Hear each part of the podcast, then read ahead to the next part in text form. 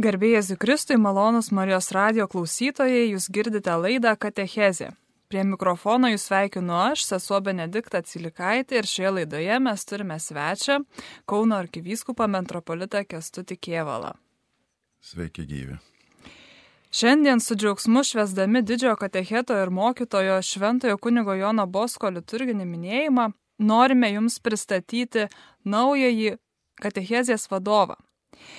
Jis yra naujai parengtas dokumentas, kurį išleido popiežiškosios naujosios evangelizacijos tarybos mums kaip katechetams, o man kaip katechetikos centro vadoviai kilo idėja parengti laidų ciklą, kurio metu su įvairiais pašnekovais ir su jumis, mėly Marijos radio klausytojai, po truputėlį galėtume gilintis į pačią katechezės vietą ir misiją bažnyčioje, kam jis skirta, kokia yra katecheto užduotis ir tapatybė, kaip ir kokiu būdu apie tikėjimo dalykus galime kalbėti šiandienos kultūrinėme bei socialinėme kontekste.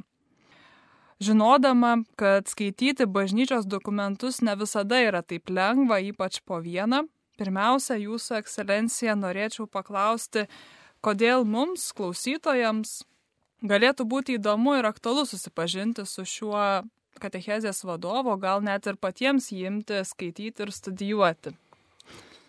Na, brangiai, pirmiausia dėl to, kad esame visi pašaukti būti katechetais. Tai reiškia skelbti Jėzų, padovanoti jį savo bičiuliams per įžvalgas, per gyvenimo patirtį, pasidalinant tuo gyvenimo kartu su Dievu patyrimu.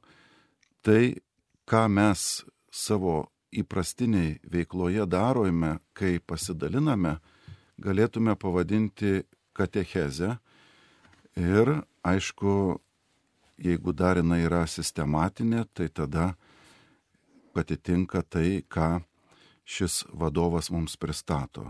Vadovas yra skirtas mums vadovauti tame svarbiame pašaukime savo gyvenimu pristatyti Kristų, jam dovanoti savo gyvenimą ir aišku, bičiuliams padovanoti žinę apie jį. Dokumento pristatymė yra minima, kad šis vadovas jau yra trečiasis. Trumpai noriu pristatyti istoriją, kad 1971 kovo 18 popiežius Paulius VI patvirtino bendrai katechetikos vadovą ir juo buvo siekta susisteminti Vatikano antrojo susirinkimo mokymą. 1992 spalio 11 minint Vatikano antrojo susirinkimo 30-metį, šventasis popiežius Jonas Paulius II paskelbė katalikų bažnyčios katekizmą, o po penkerių metų jo pagrindų gimė ir antrasis bendrasis katechezės vadovas. Tik prasidėjus pandemijos laikui 20 metų kovo 23 dieną popiežius Pranciškus patvirtino naują katechezės vadovą, apie kurios svarbą ir turinį šiandien kalbamės. Galbūt jūs galėtumėte pristatyti, ant ko stovi šis dokumentas. Pirmiausia, reikia priminti, kad katechezė yra viena iš svarbiausių bažnyčios veiklų Ir tikėjimas, kurį mes turime, jis iš savęs skatina, o galėtume sakyti ir tiesiog verčia mus dalintis tą gerąją naujieną, nes jinai mūsų širdį turėtų tiesiog sprogdinti troškimu, pasidalinti tai, ką atradome, kas yra geriausia. Pats vadovas yra tasa kitų anksčiau bažnyčioje buvusių iniciatyvų, tų minėtų katechetikos vadovų, kurie paprastai remiasi sinodiniais viskupų susirinkimais ir iniciatyva kiekvienam laikui atitinkamų būdų pristatyti katechezės pareigą. Na, štai dokumentas Evangelijai Gaudium popiežiaus Pranciškaus, kalbantis apie naują evangelizaciją, krikščioniškam tikėjimui perduoti tarsi padrasino šito naujo katechetikos vadovo atsiradimą. Ir mes turime štai gražų dokumentą, kuris šiam laikui ypatingai atsiliepiant į popiežiaus pranciškaus pakvietimą, išdėsto, kągi reiškia katechezė šiandienos pasaulyje, kuris pažymėtas ir skaitmeniniu raštingumu ir aišku tam tikra labai skirtinga dinamika, kuri buvo praeituose amžiuose, kur žmonės susirinkdavo klausytis ir tas natūraliai burdavo žmonės, kadangi reikėjo gauti informacijos. Šiandien informaciją kiekvienas gaunam savo namuose, atsivertę ekraną ar knygą, tai tas susirinkimas kažkaip kitaip turi vykti, bet patys principai išlieka tie patys. Būtent katechezė yra pirmiausia troškimas supažindinti žmogų su Jėzaus Kristaus asmeniu, perteikti jo žinios grožį ir tam tikrą prasme pasidalinti tuo įsimylėjimu, kurį kiekvienas žmogus jaučia atsivertęs ir pradėjęs kelionę su Dievu. Kaip vaikinas įsimylė merginą, jisai nori daugiau sužinoti apie ją, jisai dalinasi savo visokiom patirtim, kitai žodžiais tariant, kalbasi, bendrauja ir giliau pažįsta. Tai mes tai vadiname kerigminę katechezę, jeigu kalbam apie Jėzaus asmenį. Na, o jos tikslas įtraukti tikinti žmogų į krikščioniškos bendruomenės gyvenimą. Tas pavadinta mistagoginiu įvesdinimu, iš tikrųjų tai yra troškimas, kad tas žmogus, kuris pažįsta Kristų, jisai atrastų taip pat ir jo šeimą, jo mistinį Kristaus kūną, vadinamą bažnyčią. Ir ši kelionė iš tikrųjų yra viena iš sudėtinių katechezės dalių - būtent susipažinimas ir įvesdinimas. Troškimas, kad žmogus turėtų nuolatinį savęs palaikinimo ir maitinimo šaltinį bažnyčią. Dėkoju Jums. Kaip jau minėjau laidos pradžioje, apie katechezę ir įvairius jos aspektus su įvairiais pašnekovais kalbėsime dar ne vieną kartą. Ir tikrai dokumentas yra netrumpas. Jūsų ekscelencija, kokias temas jūs išryškintumėte kaip aktualiausias Lietuvos katechetams ir tikybos mokytojams, kurie turės galimybę klausytis šių laidų kas savaitę iki pat šventųjų Velykų, antradieniais ryte 9 val. ir vakare laidos kartojimo 22 val. 30 min. Na, kas yra užsidegęs troškimu perduoti tikėjimo grožį, žinę, įkvėpimą, tam visada kyla klausimai, o kokiu būdu tai padaryti. Pasaulyje, kuris nebūtinai susidomėjęs Kristaus asmens grožio ir pačia bažnyčia.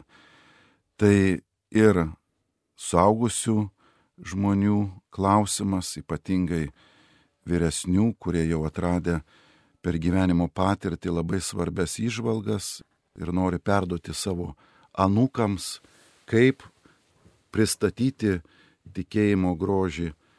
Ir dažnai natūraliai kyla klausimas, kokiu būdu tai padaryti. Katechezės vadovas kalba apie būtent būdus. Šiandien mes turime iššūkį, kadangi informacijos gausa, taip pat efektyvūs jos klaidos būdai tarsi konkuruoja su ta gerąja naujiena ir jinai nebepasiekia kartais jauno žmogaus širdies ir todėl yra nuostolis didžiulis. Nors, pavyzdžiui, visą gyvenimą žmogus praėjęs jis jau atranda tą perlą, tą lobį, kaip Evangelija sako, ir jam tada labai norisi perduoti jauniems žmonėms. Tai kaip tą padaryti? Pagrindinis būtent šios katechezės vadovo tikslas ir padrasinimas yra būdai, kaip perteikti tą nuostabę Dievo mums dovanotą galimybę, dovaną jį pažinti. Mes tai vadiname evangelizacija. Ir visi jos darbe galime dalyvauti, nes per krikštą esame tam pakviesti. Evangelizacija kaip pirminis supažindinimas su Kristumi ir katechezė kaip sistematinis įvesdinimas, būtent pasakojimas, aiškinimas į didelį ir platų bažnyčios temų, sampratų gyvenimą. Tai ir ženklai, simboliai, sakramentai, malda, gyvenimo būdas, laikysena, visa tai yra katechezės apimtis. Apie šias temas tiesiog verta pasikalbėti drauge mums, kurie mylim savo jaunimą, norim labai jiems perduoti žinę. Kaip tą padaryti, klausykitės katechezės laidų. Dėkoju Jums už padrasnimą ir įkvėpimą. Tikimės tikrai sulaukti labai įdomių pašnekovų ir kartu perskaityti šitą dokumentą kartu ir semtis įkvėpimo savo misijai ir tarnystėj. Beskaitant pirmąją dalį, girdim ir matom, kad pristatomas Jėzus, kuris kiekvienu savo gyvenimo momentu vykdo labai plačiai katechezės misiją. Ir savo įsikūnėjimo slėpiniu, kurį dar netaip seniai šventėme, juo labiau mirdamas už mus ant kryžiaus, jis kiekvieną žmogų veda į gyvą susitikimą su gyvenimą perkeičiančiu viešpačiu. Ir turbūt sutiksit, ekscelencija, kad ir kiekvienas katechetas mes to trokštame - palydėti žmogų į tą gyvą susitikimą su Kristumi. Gal daug kartais mastom, kaip perteikti žinias, kaip duoti sisteminės, tvarkingai sutvarkytas žinias, kad tikrai žmogus pažintų savo tikėjimą protu. Tačiau kaip katechezė galėtų patarnauti tam gyvo ryšio su Kristumi kūrimą, atvedimą žmogaus prie Kristaus, galbūt galėtumėt pakomentuoti. Galėtume sakyti, kad pats evangelizavimas arba katechezė iš tikrųjų nėra tik tai informacijos perdavimas arba kažkokių nors didelių mokslinių žinių. Tai dovanojimas pirmiausia savo patirties, kaip man pavyko sutikus Kristų savo gyvenimą matyti, ką jisai pakeitė mano širdį, mano laikysenoj, pagaliau kaip pasikeitė mano visas gyvenimas, kadangi aš turiu tikėjimą arba jaučiu, kad jisai kažkaip dovanoja man visiškai naują perspektyvą. Ir šiaip Jėzaus pagrindinė veikla buvo dangaus karalystės skelbimas. Žinia, kad tas dangus, apie kurį mes laiks nuo laiko susimastom ir žmogaus ilgesyje, jisai nuo pat gyvenimo žemėje užros buvo žmonėse, gali būti čia vietoj. Jo ta revoliucinė mintis, kad dangaus karalystė yra tarp jūsų, o tada dar laukia amžinoji karalystė, yra nuostabi, drąsinanti žinia ieškoti tos karalystės ženklų, tos karalystės pasireiškimų ir kad mes tą galima jau dabar atrasti ir tokiu būdu patirti dangų jau čia vietoj. Kas per patirtis ir kokie būdai tai veda. Būtent čia ir yra katecheto uždavinys. Mes Jėzų matom kaip tą, kuris buvo katechetas.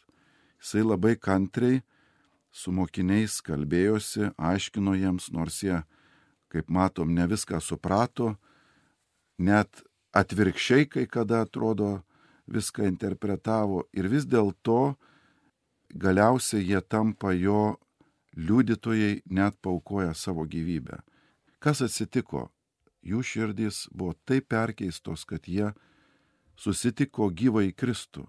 Santykis su Dievu tapo toks artimas, toks gyvas, kaip su bičiuliu ar su toktiniu ar mylimu žmogumi ir toks realus, kad mano gyvenimą keičia. Kaip tai perduoti, mums Kristus yra pavyzdys, o mūsų pastangos iš tikrųjų duoda mums patirtį. Mes pabandydami perduoti tikėjimą gauname taip pat žinias, kaip tą daryti. Nors galiausiai esame patys žinia. Ne mokslas, ne informacija, bet mes patys, kaip žinia tikėjimo, tampame efektyviausia liūdijanti ir evangelizuojanti katechezė. Mėly Marijos radio klausytojai, jūs girdite laidą Katechezė ir šiandien aš sesuo Benediktą kalbinu Kauno arkiviskupijos metropolitą, arkivyskupą Kestutį Kievalą. Ir norėčiau paklausti jūsų, jūs minėjot iš tiesų, kad patys katechetai tampa žinia. Greičiausiai, net negreičiausiai, bet esu tikra, kad ir jūs turėjote savo kelionėje ne vieną žmogų, kuris galbūt iš tiesų buvo katechetas tikrąją to žodžio prasme, kuris jūs ruošė sakramentams, ar sakė katechezę kažkurioj kitoj bažnyčios aplinkoje, ar visai nebažnytiniai gal net aplinkoje. Kas labiausiai jūsų širdį patraukė, nežinau, asmuo, žodis, turinys, tai ką kalbėjo, galbūt tiesiog norisi tą klausimą užduoti ir laukti atsakymo dėl tų katechetų, kurie kartais jaučiasi, kad sėja tarsi tik ant kelio ir jų žodis neduoda vaisių. Galbūt jūs savo patirtim galėtumėt pasidalinti, kad tas darbas tikrai nėra veltui. Kai buvau 11 metų, mama mane pristatė į katechezės pasirengimo pirmai komunijai pamokas. Pirmiausia, man buvo labai įdomu, kadangi tos pamokos buvo slaptos. Turėjome laikyti visiškoj paslapti, kur mes einam, ką mes veikiam. Ir net valanda buvo paskirta kiekvienam vaikui skirtinga, kad nesimatytų, kad kažkokiam name būriuojasi vaikai. Tai pirmiausia, ta paslapties apimtis buvo nuostabi trauka. Kitas dalykas, ta sesutė pranciškonė, kuri pasakojo mums apie Jėzų, patraukė tuo, kad jinai naudojo labai daug pasakojimų iš patirties. Nelabai prisimenu teorinius svarstymus apie Kristų, apie bažnyčią, bet prisimenu pasakojimus apie kareivį, kuris turėjo kryželį ant savo krūtinės ir nenorėjo jo nusimti, nes sakė, kad čia mano mamos dovana ir jam paliko jį girdėjau pasakojimus apie žmonės, kurie dėl tikėjimo paukojo gyvybę, arba tuos, kurie net turėjo išbandymus Sibiro platybėse. Kitai žodžiai tariant, žmonės konkretus, kurie liūdėjo tikėjimą savo gyvenimu. Ir tie pasakojimai mums, kaip ten bebūtų, atvėrė akis tikrai man buvo žinia, žinai, ką čia rimta.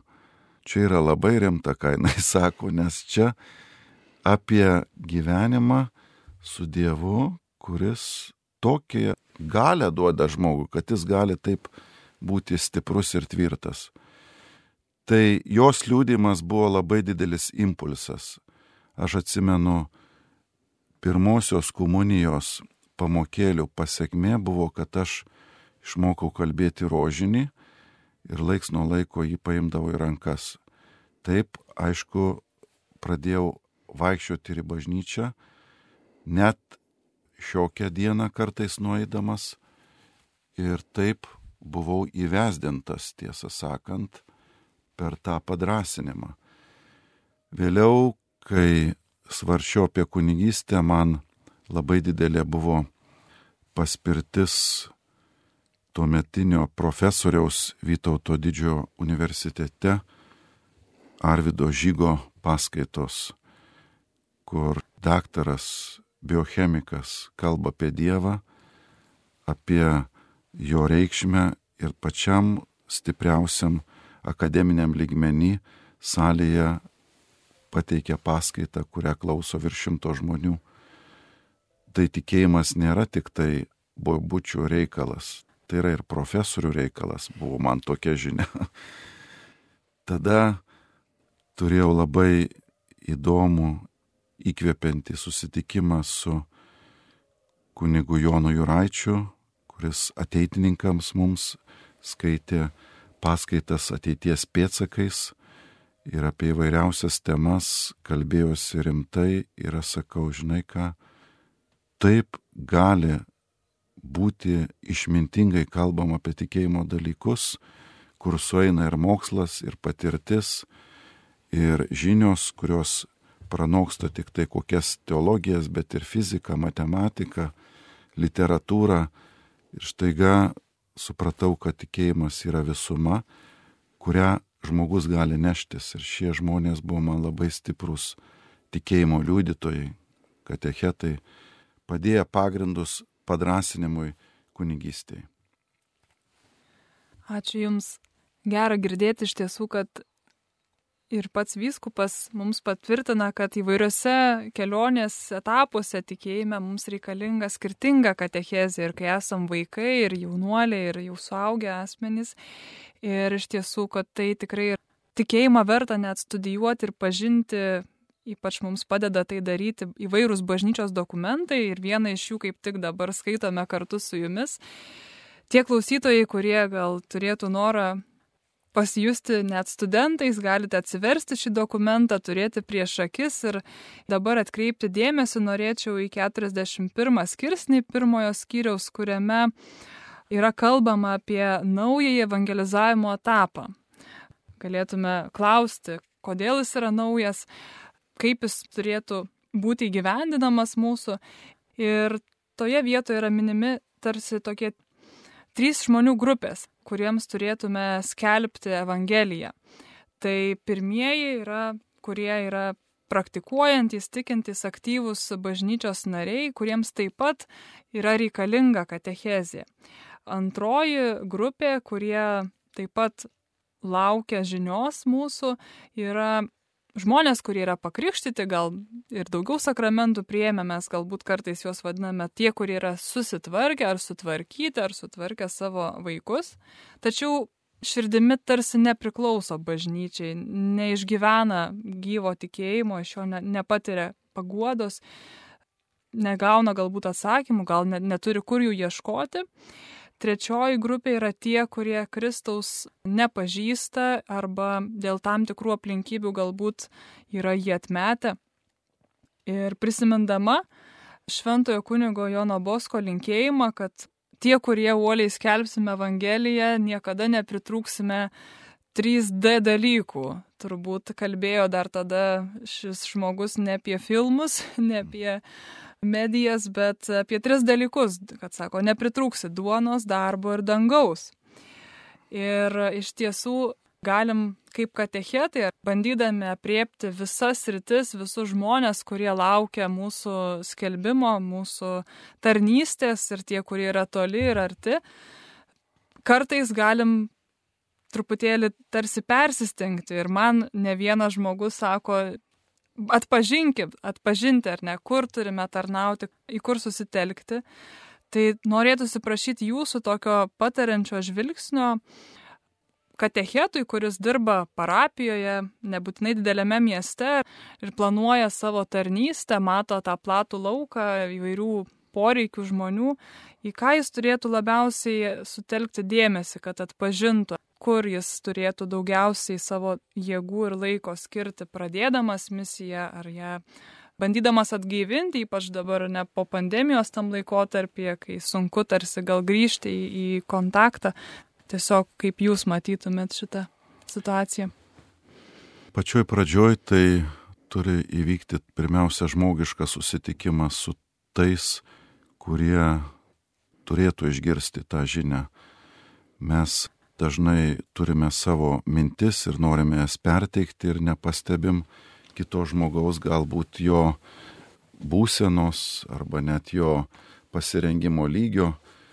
Tai susipažinti su žmonėmis, kurie klausysis, kurie bus tie katechezės adresatai, yra labai svarbi dalis.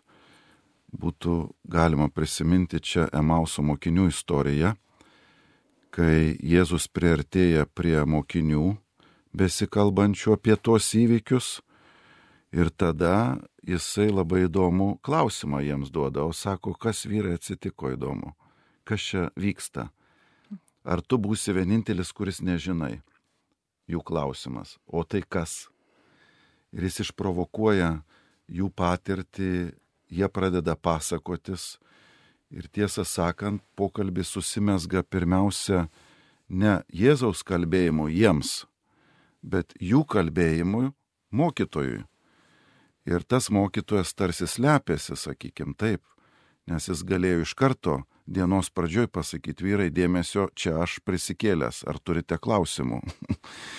Bet jisai leidžiasi į visos dienos kelionę, eidamas per visas patirtis, pirmiausia, jie įsipasakoja, kaip jie nusivylę, kaip jie tikėjosi ir kaip viskas šiandien negerai gavosi ir kad jie dabar jau eina iš tos Jeruzalės ir palieka visus reikalus ir tiek to grįžtam į savo šeimas, namus ir užmirštam.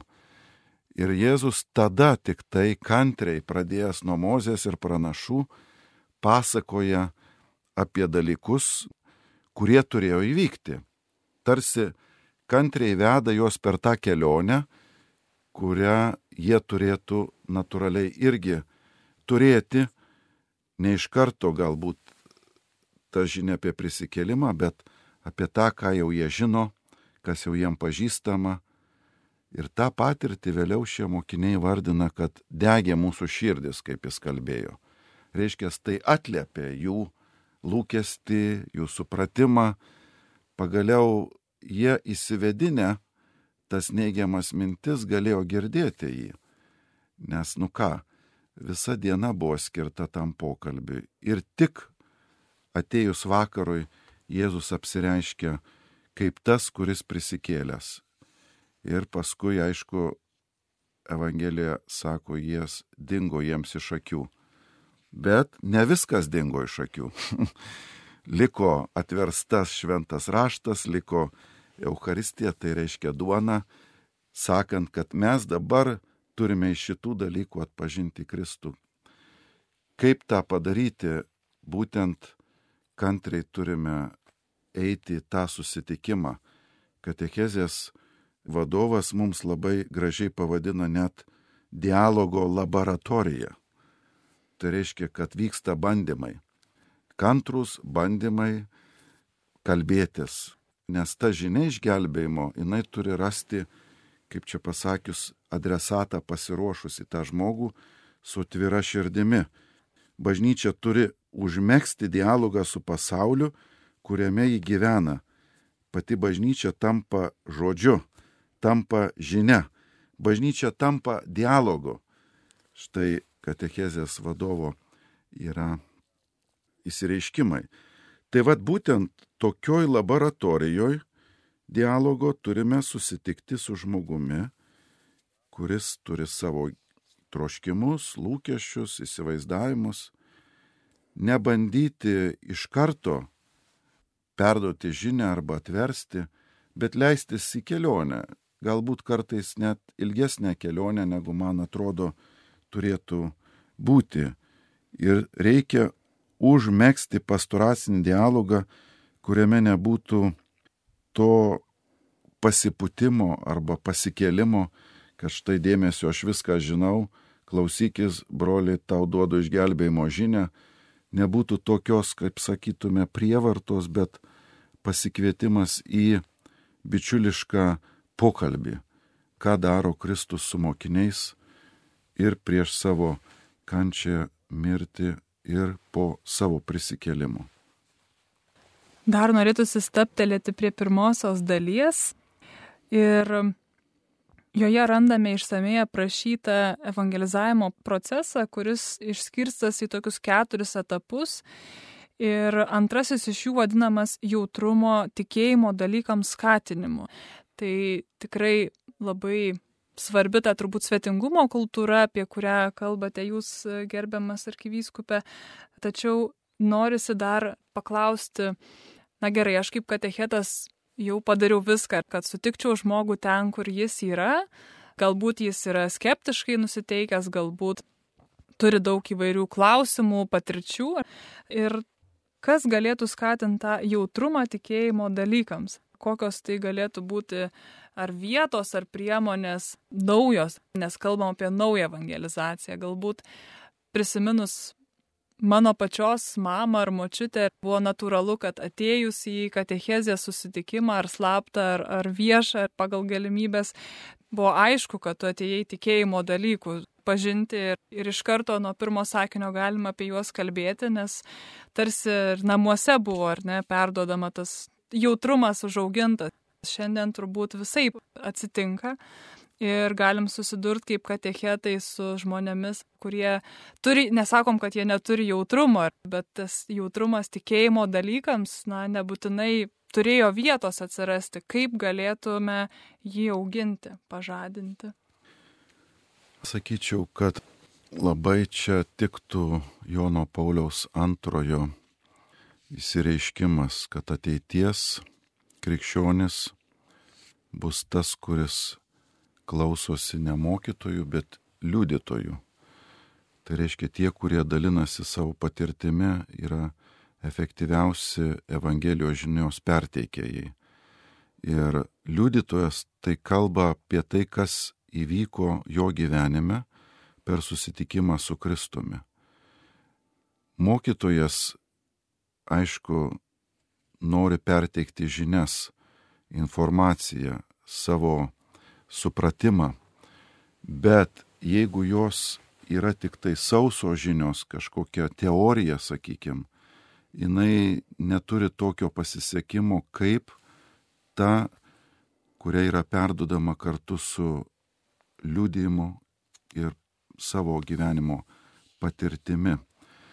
Mes, kai skaitome katechezės vadovą, jisai mums nuolat primena, kad tas ūkdymas ateinantis per bendrystę, per dialogą, per santyki, vis dėlto dvasinėme augime efektyviausia tai, kas palydi į asmenį susitikimą su Kristumi mane.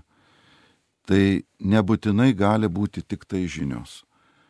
Pavyzdžiui, įvedimas į maldą, pakvietimas dalyvauti šventose mišiuose, pakvietimas į švenčiausio sakramento adoraciją.